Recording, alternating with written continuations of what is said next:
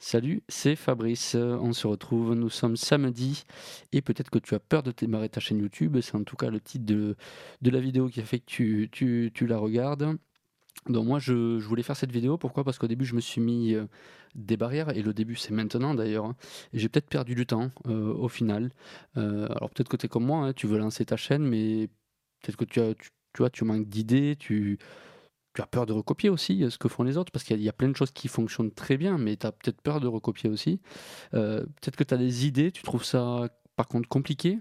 Euh, peut-être que tu as même essayé, mais tu trouves ça quand même assez compliqué, un peu tout ce qu'il faut faire autour, que ce soit pendant les vidéos, après ou avant. Euh, peut-être que tu as honte parce que tu l'as jamais fait. Euh, c'est pas c'est pas quelque chose que tu maîtrises, donc euh, voilà, ça peut, tu peux avoir un petit sentiment de, de gêne par rapport à ça, ou alors par rapport au regard en fait, euh, regard extérieur des, personnes, et de ton entourage, ou tout simplement des visiteurs. Tu as vu qu'il y a beaucoup de, de haters, euh, comme on dit euh, dans le, euh, dans, ce milieu-là, sur Internet en général. Ça existe depuis euh, depuis le début d'Internet. Il y avait tout le temps des gens pas contents qui en fait dans la réalité voilà, ne s'exprimaient pas. Euh, donc là, du coup, ils vont s'exprimer et ça peut parfois faire mal à certains ou à certaines. Il y a un autre cas, alors j'y pense un peu moins, mais il, il me concerne aussi. Alors, premier, ça peut être, tu peux avoir des défauts physiques, hein, enfin, ça, on en a tous, c'est plus des particularités. Finalement, il y en a beaucoup qui arrivent à jouer dessus. Euh, il y en a certains que ça n'a pas arrêté hein, euh, d'avoir des défauts physiques, au contraire, ça a peut-être motivé ou un défaut de langage? Alors moi, euh, j'ai notamment l'accent que tu remarques. Tu en as peut-être un aussi. Tout le monde a en fait au final un accent ou une façon de s'exprimer euh, ou un jargon, un vocabulaire ou, tu vois, ou même d'employer le tutoiement ou le vouvoiement. Tu vois, ça peut être aussi une, une façon de, tu vois, d'orienter un langage. Ou alors des tics de parole, des mots que tu vas répéter souvent, c'est mon cas. Euh, J'en ai 4, 5, 6, 7, 8, 9, 10, que je n'ai pas forcément en discussion réelle qui se développe. Là, du coup, peut-être le fait de parler à une caméra, je sais pas. Euh, c'est la première fois aussi, c'est la première expérience pour moi. Euh, donc voilà, ça peut être ce, type de défaut. Ou alors tu peux avoir un autre euh, style de problème, et j'ai envie de dire c'est le moins grave, c'est que tu n'as pas de matos ou, tu vois, ou pas de budget pour, ben, pour investir là-dessus, pour investir sur la chaîne ou sur le matériel, où tu te dis que sans certains matériels, tu n'arriveras pas à un résultat, tu vois. Alors dans l'idéal, c'est sûr qu'on préférerait, tu vois, quand tu arrives sur YouTube, que tu aies toutes les techniques, tous les outils, toute la façon de procéder et la connaissance des meilleurs. Euh, dire voilà, moi je veux me lancer, euh, j'en sais rien dans les vlogs, mais tu vas, voilà, tu aimerais bien avoir l'expérience de Casey Neistat, avoir tout le détail euh, ou autre. Euh, si tu veux faire dans la tech, euh, dont on va parler au niveau, euh, au niveau français, tu vois, il n'y en a pas beaucoup qui font vraiment beaucoup de qualité, mais tu as Naotech TV, tu vois, qui fait, Jérôme fait un boulot super. T'aimerais bien, tu vois, avoir toutes ces techniques et se dire, voilà, ben, j'arrive à un truc de pro. Si tu veux quelque chose, tu vois, qui, qui, qui, est de la gueule et tu vois, qui, avance. Alors, tout dépend des objectifs, tu vois, ce type de chaîne en Naotech, euh, des objectifs assez élevés en termes de qualité, je parle bien, après je tout, je suis pas dans les petits papiers, voilà, mais chacun peut avoir son type de thématique et lui est arrivé alors qu'il y avait déjà beaucoup de personnes dans l'information au niveau nouvelles technologies euh, euh, et matériel, on va dire, euh, de façon générale matériel technologique, mais finalement il a créé sa patte, tout simplement. Alors, on revient, on revient au cas concret, c'est que toi de ton côté, tu as peut-être fait des essais, mais tu as trouvé ça plutôt nul, tu, tu vois, tu bégayais, c'était pas beau. Tu, tu, sais pas forcément utiliser un logiciel de montage, tu sais pas, tu sais, tu sais pas tout ça. Alors tu te compares souvent à ce que tu suis, enfin les personnes que tu suis, là où tu es abonné, ceux qui ont réussi ou qui vont ou qui ont déjà presque réussi. Et c'est peut-être euh, peut-être que c'est tu vois, c'est peut-être que euh, ça peut être un problème aussi. Euh, moi je veux t'aider si tu es débutant, tu as envie de tu vois de développer. Alors moi c'est mon cas, je suis débutant sur YouTube, je prends quand même un sujet que je maîtrise assez bien, voire j'ai plusieurs sujets que je peux je peux aborder sans avoir trop de risques en fait au niveau du contenu. Mais alors au niveau technique voilà, c'est vraiment la première fois que je fais de la vidéo euh, ou un peu de montage ou des choses comme ça. Enfin, je me suis entraîné un peu avant, mais bon, il n'y a rien de, rien de finalement très professionnel là-dedans. Euh, moi, je joue plutôt sur le, le contenu, ce que ça va pouvoir aboutir, ce que ça va pouvoir euh, amener derrière. Le plus difficile et finalement le plus facile, en fait, c'est que ça a l'air simple pour les autres. Donc ça crée deux choses. Ça crée de la frustration parce que toi, tu te vois que c'est compliqué. Euh, mais ça crée euh, finalement de la motivation parce que tu dis que si les autres peuvent y arriver, euh, surtout, que souvent ils racontent leur histoire hein, quand même avec les Draw My Life ou autre, tu vois, ils dessinent leur vie, comment ça s'est passé. Il y a beaucoup de storytelling. Des fois, on te fait croire qu'on part de ultra bas pour arriver très haut. C'est pas tout le temps le cas. Disons qu'ils euh, ils amoindrissent la, la, la beauté, on va dire, de leur vie euh, jeunesse. Et leurs parents ne doivent pas être contents, doivent pas être contents, pardon, euh, pour arriver à un résultat extraordinaire. Tu vois, c'est un peu, un peu cet effet-là, l'effet de comparaison. Euh, alors moi, ce que je te petite petite astuce que je te donne déjà dès le début, c'est fais, fais un petit test. En fait, va regarder les vidéos anciennes de ces personnes-là qui sont connues. Et quand je dis anciennes dans le monde YouTube, c'est pas tu vois depuis la création de YouTube, c'est pas 10 ans en arrière, c'est 2 ans, un an, tu vois en arrière même. Et regarde déjà la régularité qu'ils avaient. Est-ce que l'esthétique était, était bonne? Est-ce que le son était bon? Est-ce que le sujet était sympa? Est-ce qu'ils avaient, tu vois, ils avaient un truc particulier? Voilà dessus, déjà, tu vas beaucoup, beaucoup te rassurer. Certes, entre-temps, le niveau général de YouTube a évolué, mais si tu regardes quand même, il y a même, tu vois, même euh, un an avant, je pense que c'est pas mal. Euh, un an, deux ans, si la chaîne est ancienne, tu, t'inspires de ça en fait. Tu vois un peu comment ils ont démarré. Tu vas voir que même toi, tu as trouvé des défauts, des choses que, qui aujourd'hui, tu te dis, non, mais voilà, c'est nickel, j'adore ce qu'il fait. Donc, constate déjà qu'ils n'étaient pas forcément très bons. Euh, constate aussi, alors il y avait peut-être peut qu'ils annoncent le nombre d'abonnés, mais tu peux, je pense que tu peux consulter des stats du nombre d'abonnés à une chaîne euh, assez facilement, tu vois, je me suis même pas préoccupé euh, parce que mon but c'est pas d'avoir la plus grosse audience du monde, mais voir aussi l'évolution des stats et sans forcément, tu vois, il y, en a plein, ils ont, ils ont ils ont fait un gros carton. Euh, certains s'est retombé parce qu'ils ont traité du buzz ou de l'actualité, mais d'autres ils ont, tu vois, ils ont développé leur identité, leur marque en fait sur, euh, sur YouTube. Euh, et tu remarqueras qu'en fait il y en a beaucoup qui, copiaient ou qui copiaient d'autres d'autres YouTubeurs ou d'autres tu vois d'autres choses qui existaient, qui se cherchaient aussi. Tu vois, ils savaient pas exactement quel ton prendre, ils étaient assez maladroits, ou alors au contraire il était tellement pas que c'était pas naturel. Tu vois, il y avait trop de montage ou autre. Et des fois, il n'y avait pas de fond, tu vois, dans les contenus, il n'y avait que de la forme finalement et pas trop de fond. Euh, certains avaient le bon contenu mais le mauvais format, euh, tu vois, et d'autres avaient le, tu vois, le bon format, c'est-à-dire que tu vois, ça envoyait, tu avais envie de regarder, mais par contre, tu n'apprenais rien ou ça te faisait pas rire, ou, parce qu'il y a plusieurs thématiques et tu es toujours obligé d'apprendre, tu peux aussi te divertir. Mais tu vas voir que voilà, il y a eu énormément d'ajustements, de réglages, de, tu vois, ils ont peaufiné en fait un peu leur, identité, leur chaîne, la façon de produire. Est-ce qu'ils étaient dehors, dedans, euh, tu vois, micro, pas micro, je ne sais rien. Tu vois, la qualité, le et, les actions en fait qui, qui, font faire derrière. En fait, les, euh, tu vois, participer à un événement ou toi ce qu'ils te demandaient de faire, participer à la discussion, euh, ou est-ce qu'ils réagissaient à un contenu. Tu vois, il peut y avoir plein de plein d'issues comme ça.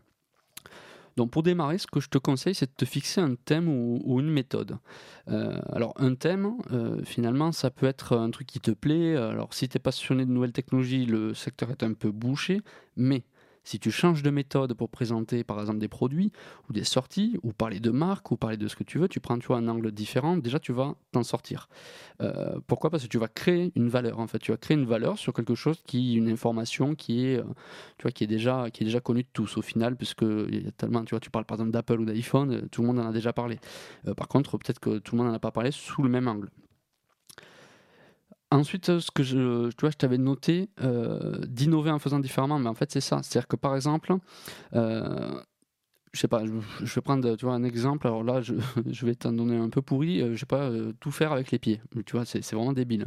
Mais t'apprends, enfin pas apprendre, mais je joue du piano avec les pieds. Tu vois, c'est un truc, tu vas rien apprendre. C'est juste divertissant. ben, en fait, ça peut marcher, c'est tout bête, mais si tu peux avoir de la popularité, parce que, peut-être que ça existe. D'ailleurs, je dis ça, mais je n'ai même pas regardé.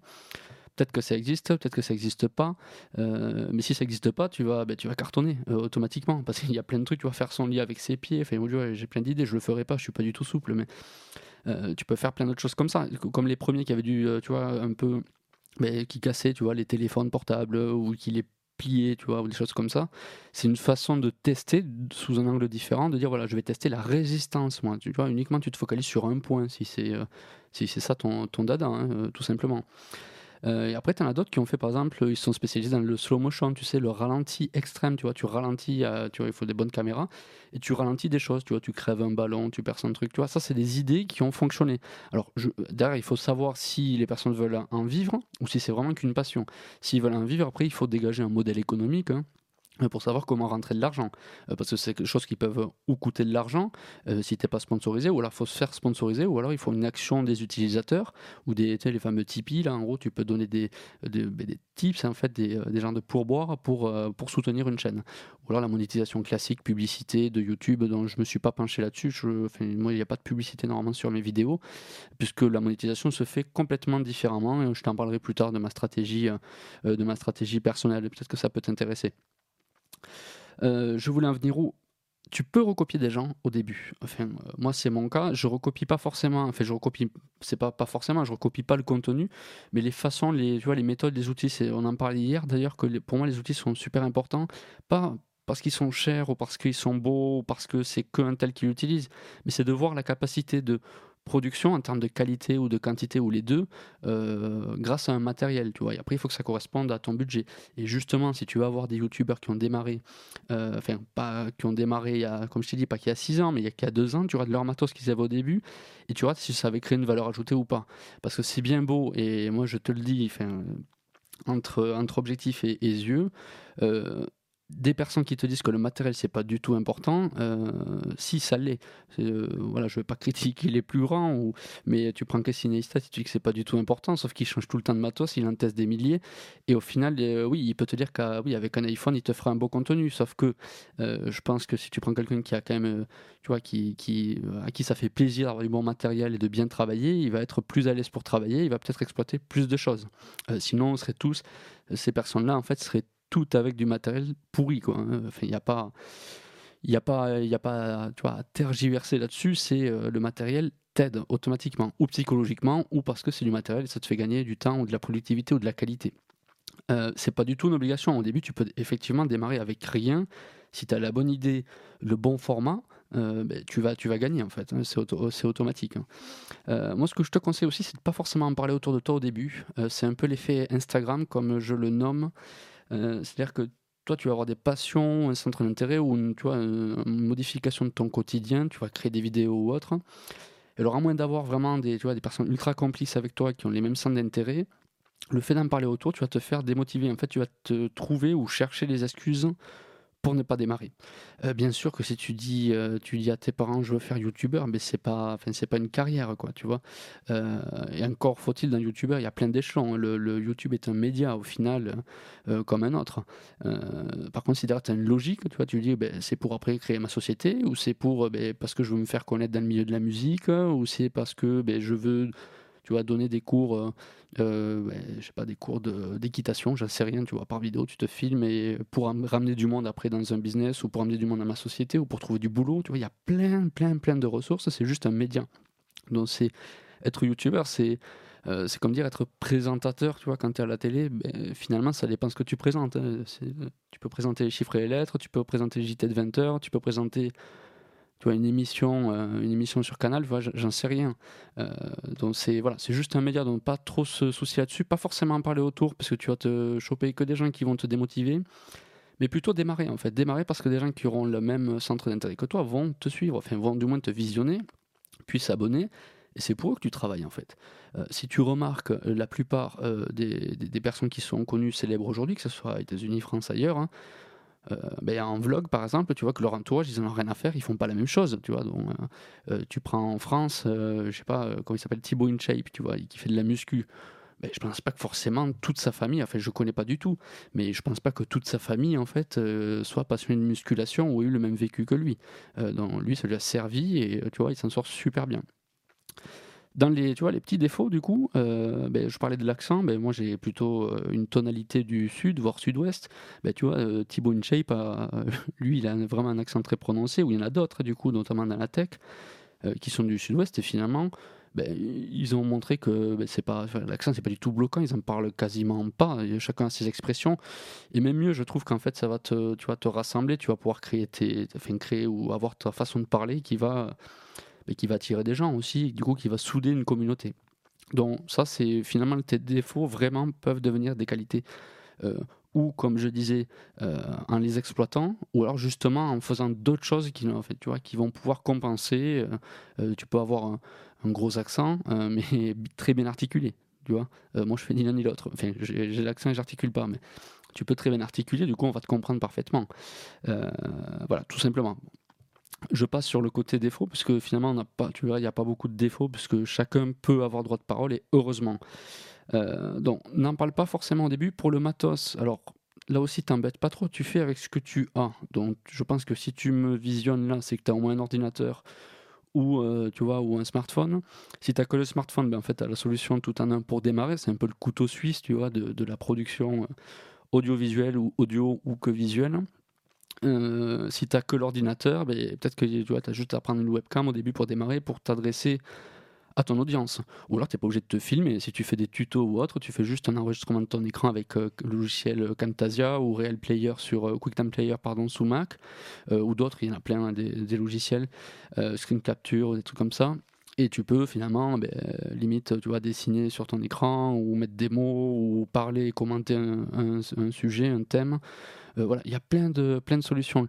Le format vidéo, c'est juste que tu vas avoir de l'image et du son. Ça paraît tout bête quand je le dis comme ça mais c'est à toi d'en faire ce que tu veux. Euh, tu peux aller jusqu'à faire des effets spéciaux ou juste avoir des discussions, et du coup, pour avoir une relation euh, tu vois, de proximité, de savoir que tes abonnés sachent à qui ils s'adressent. Enfin, tu vois, apprennent à te connaître aussi avec l'image que tu peux avoir. donc après, tu peux essayer du matos. Tu peux demander à des gens autour de toi. Tu vois, je pense qu'il y a toujours quelqu'un qui a un appareil photo ou une petite caméra, tu vois, qui se sert pas, ben là c'est l'occasion, tu vois, de lui emprunter, dire voilà, je veux tester un truc, euh, voilà, tu essayes de voir comment ça marche et de voir si ça te convient. Un micro, ça peut se trouver aussi, ou alors tu fais avec tes écouteurs, tout bête. Hein. Euh, il y a plein de plein d'astuces comme ça. Tu auras des hacks, en fait, ça s'appelle des hacks, euh, des petites astuces, des, des méthodes en fait faciles avec des parents choses. Tu peux faire beaucoup de résultats. Euh, et après, ce que je te conseillerais pour démarrer, c'est où. Euh, alors, je te fais vraiment dans la solution de facilité, c'est de, choisir ou un beau contenu, un bon, bon et beau, ou un bon et beau contenant. C'est-à-dire que tu peux avoir rien à dire, mais si c'est super bien, tu vois, mis en scène et autres, ben finalement, on va le regarder. À l'inverse, ça peut être très peu mis en scène. Moi, je fais aucune mise en scène dans, ben, dans, les, dans les vidéos que je propose et j'essaye d'avoir plutôt des sujets un peu plus de, de, fond, tu vois, ou de milieu si on veut rester, euh, si on veut rester humble. Euh, donc voilà, c'est un choix en fait de positionnement euh, selon l'audience que tu vises aussi, selon la durée des vidéos. Moi, mes vidéos sont plutôt longues par rapport à ce qui se fait sur YouTube et YouTube c'est entre 4 et 10 minutes. voilà, ça dépend de la logique. Si tu as une logique où tu vas gagner de l'argent avec de la masse et de la publicité, oui, je pense pas, qu'à moins que tu sois déjà connu, mais il faut pas faire plus de 10-15 minutes au niveau de tes contenus. Si au contraire, c'est pour créer de la proximité du long terme et une audience plutôt réduite, là tu peux faire du contenu beaucoup plus long. Euh, si tu as, des choses à apprendre, du coup, tu as besoin en fait de, démontrer des choses. Là, tu peux durer plus longtemps. Donc, ne te focalise pas trop là-dessus. Euh, au niveau de la régularité, alors ça, c'est aussi une autre façon de, d'avoir de la qualité ou, ou avoir un contenu ou contenant différent, euh, tu peux te fixer de dire ben, je veux faire une vidéo par jour, ou une vidéo par semaine, ou trois vidéos par semaine, ou une par mois, ou une tous les trois mois, euh, ça arrive aussi. Euh, tu vois, Norman nous s'est pris au début, je crois qu'il faisait pas énormément de vidéos, je veux pas dire de bêtises, mais tu iras regarder. Regarder d'ailleurs leur début. Euh, tu verras qu'en fait ils se sont lancés. Le gros avantage, de, enfin l'inconvénient de l'avantage ou l'avantage de l'inconvénient, c'est qu'au début quand tu te lances, personne ne te connaît. Donc en fait, qu'est-ce que tu risques au final? Euh, Pourquoi des fois tu te freines? C'est parce que tu as peur d'avoir le succès. Enfin, c'est la peur du succès. C'est tu vois, tu te dis que c'est, ou c'est si ça décolle vite, en fait, tu, tu peux dire que peut-être c'est pas normal parce que tu n'es pas bon, j'en sais rien, tu te sens pas bon. Euh, ou alors, c'est que tout simplement, c'est tu crois en fait qu'il y a tout qui va décoller d'un coup. C'est pas vrai. Enfin, tu vois le nombre de, vidéos YouTube à la seconde qui sont publiées et le nombre de succès, il y en a très peu. Et quand ils sont faits sur des buzz, ces succès n'y a rien derrière, ben, c'est des chaînes qui en fait, euh, c'est du BuzzFeed ou des trucs comme ça. Tu vois, c'est tu moulines tout le temps pour avoir du monde. Euh, donc, choisis à peu près, tu vois, dans ce qui est faisable. Si tu travailles, si tu es en cours, si tu bosses pas, je ne sais rien ce que tu fais. Si tu as trois enfants, tu pourras pas faire le même contenu. Par contre, plus le contenu est espacé, plus on va te demander de la qualité. Euh, c'est le cas que je donnais dans, la technologie. Euh, je ne veux pas citer les personnes enfin, qui font de, tu vois, beaucoup de quantité et peu de qualité parce que bon, c'est chacun après ses, trucs. Mais Nowtech, euh, par contre, eux arrivent à faire le matin, tu vois, de la régularité avec du contenu tout simple, vois, c'est finalement assez simple. J'avais regardé quelques-uns. Et après, ils font de la qualité du fond, en fait. Tu vois, il y a des, belles vidéos qui durent longtemps, mais du coup, il prend, tu vois, entre une semaine et trois mois ou six mois pour faire la vidéo petit à petit de façon propre. Il y a tout qui est bien, bien clean. On a vraiment un résumé. Les, tu vois, ça rentre quand même en profondeur euh, euh, assez bien. Tu vois. Il y a une façon, il y a une vision qui est, euh, qui est intéressante. Donc ça, à choisir. Si tu fais tous les jours, tu pourras jamais faire un truc de malade. tu pourras pas faire, tu vois, que ce soit ton métier, mais des montages de fou ou des, des fonds tu vois, énormes. C'est pas possible en fait c'est pas possible dans l'absolu. Si déjà tu te poses ces questions, c'est que tu as peut-être pas, ou t'as pas trouvé le sujet, mais dès le début, si t'as pas le sujet, tu pourras pas faire ça en fait. Euh, donc, ou alors tu te dis voilà je fais toutes les semaines et là du coup c'est peut-être un résumé hebdomadaire ou, tu vois même euh, quelqu'un qui veut faire des vlogs même si bon ça commence tu vois à baisser un peu puisqu'on s'est rendu compte que qui peut être intéressant, ben, c'est ben, le contenant, dans tout le montage et autres, mais des fois le, fond n'était pas super intéressant. Tu vois, tu te forces à faire des choses pour les montrer à d'autres, c'est ultra démonstratif. Par contre, si c'est un truc qui te plaît, peut-être que fais-le une fois par semaine. Tu tu prends les meilleurs moments de, tes journées, tu montes en fin de semaine, tu publies le samedi, dire voilà comment été ma semaine, tout simplement. Euh, tu vois, ça peut être ludique, sympa pour toi, te mets pas la pression au début. Si ça, doit être ton métier, euh, pas besoin de, tu de, tout prévoir. Euh, on peut pas tout prévoir en fait. Ça va dépendre de l'audience, ça va dépendre de ce que tu dis et du résultat qu'il peut y avoir. Et après, tu as deux, autres choses aussi. Enfin, si tu fais de la discussion, tu vois, dans mon cas, là, je fais pas de montage ou quasiment pas. Là, j'ai changé, enfin, j'ai repris mon ancienne caméra pour avoir une meilleure qualité, mais je vais juste coupler le son et l'image, mais je le fais pas de, je coupe pas. Donc ça me met énormément de difficultés toutes les bafouilles, tous les temps morts, toutes les répétitions. Euh, mais du coup, ça, voilà, moi je les laisse. Donc du coup, c'est pour ça que ça fait des contenus longs que je pourrais effectivement peut-être compacter. Pour l'instant, je teste ça. Après, on verra plus tard comment ça peut évoluer. Mais tu vois, il faut tester des choses. Et de toute façon, j'ai pas d'audience. Donc du coup, à la limite, c'est pas très grave pour démarrer. Euh, ce qu'il faut en fait, c'est que tu aies une motivation qui. Alors, la motivation, c'est sur le long terme, contrairement à la stimulation qui est plutôt sur le court terme. Donc, il faut que tu aies une motivation à long terme même si elle est un peu, tu vois, elle n'est pas encore tout à fait claire, et que tu te stimules tous les jours, qu'il y ait un truc qui fasse que tu as envie de faire la chose. Euh, tu, vois, euh, les personnes qui faisaient le slow motion, peut-être qu'ils aimaient le slow motion, justement, ils se sont dit, bah, on va tester ça aujourd'hui, on va tester ça. Du coup, c'est presque, c'est presque marrant. Le fait de se filmer, c'est juste comme si, euh, voulaient le partager à des amis. tu vois, tu, peux le faire comme ça, dire, voilà, ben, je veux juste comme si je faisais une vidéo pour un pote qui est pas là, ou qui est à l'autre bout du monde, ou pour quelqu'un, tu vois, que je rencontre un jour, ou pour mes enfants, j'en sais rien c'est le meilleur contenu en fait, parce que tu as une proximité, tu es naturel et tu, vas faire des choses qui, peuvent te plaire.